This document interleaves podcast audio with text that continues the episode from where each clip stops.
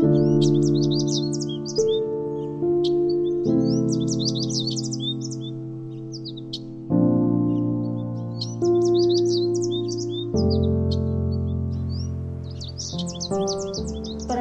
Tua dan Pohon Tua.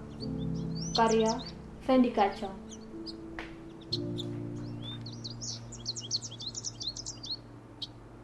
Dibacalah lagi kisah-kisahnya Gadis kecil yang bermain di taman. Dekat bangku tua yang kini sudah tak ada.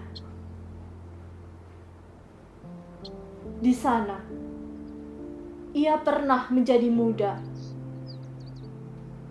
dan pohon itu sekecil dirinya, bersaksi tentang riangnya senyuman, menangkap berbagai kisah.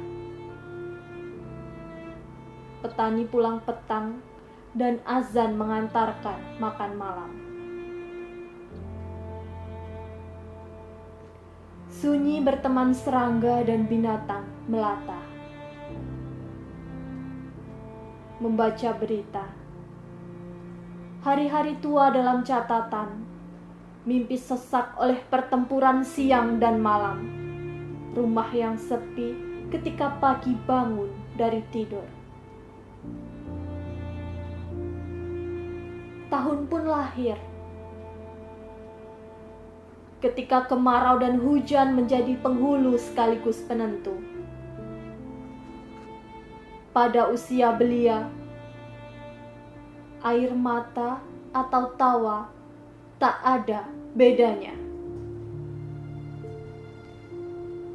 Pohon terpasak di taman, tak berpindah, merindang, dan semakin paham sakitnya kehilangan daun-daun.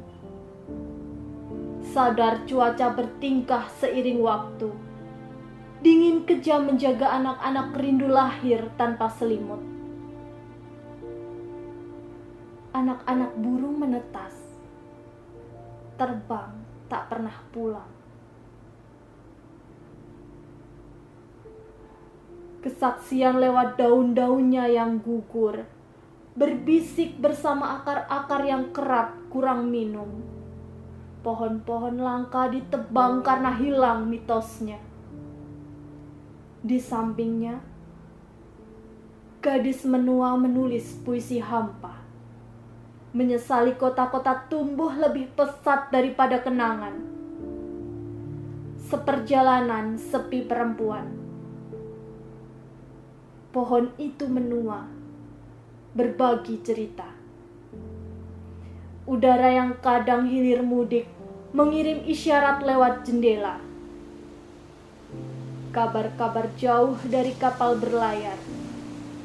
Ada yang tenggelam, ada yang berlabuh, dan telur ikan-ikan gagal menetas ketika ombak-ombak sedang risau dilanda payau.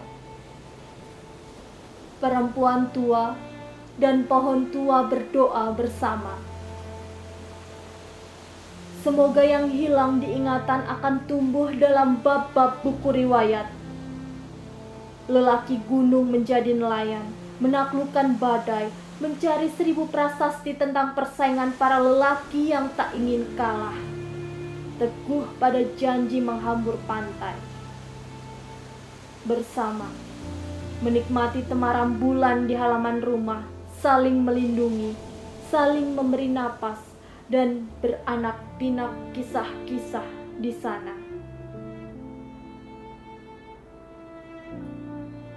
kelak, pohon tua dan perempuan tua terus mencatat. Uban di kepala adalah puisi yang dibuahi zaman.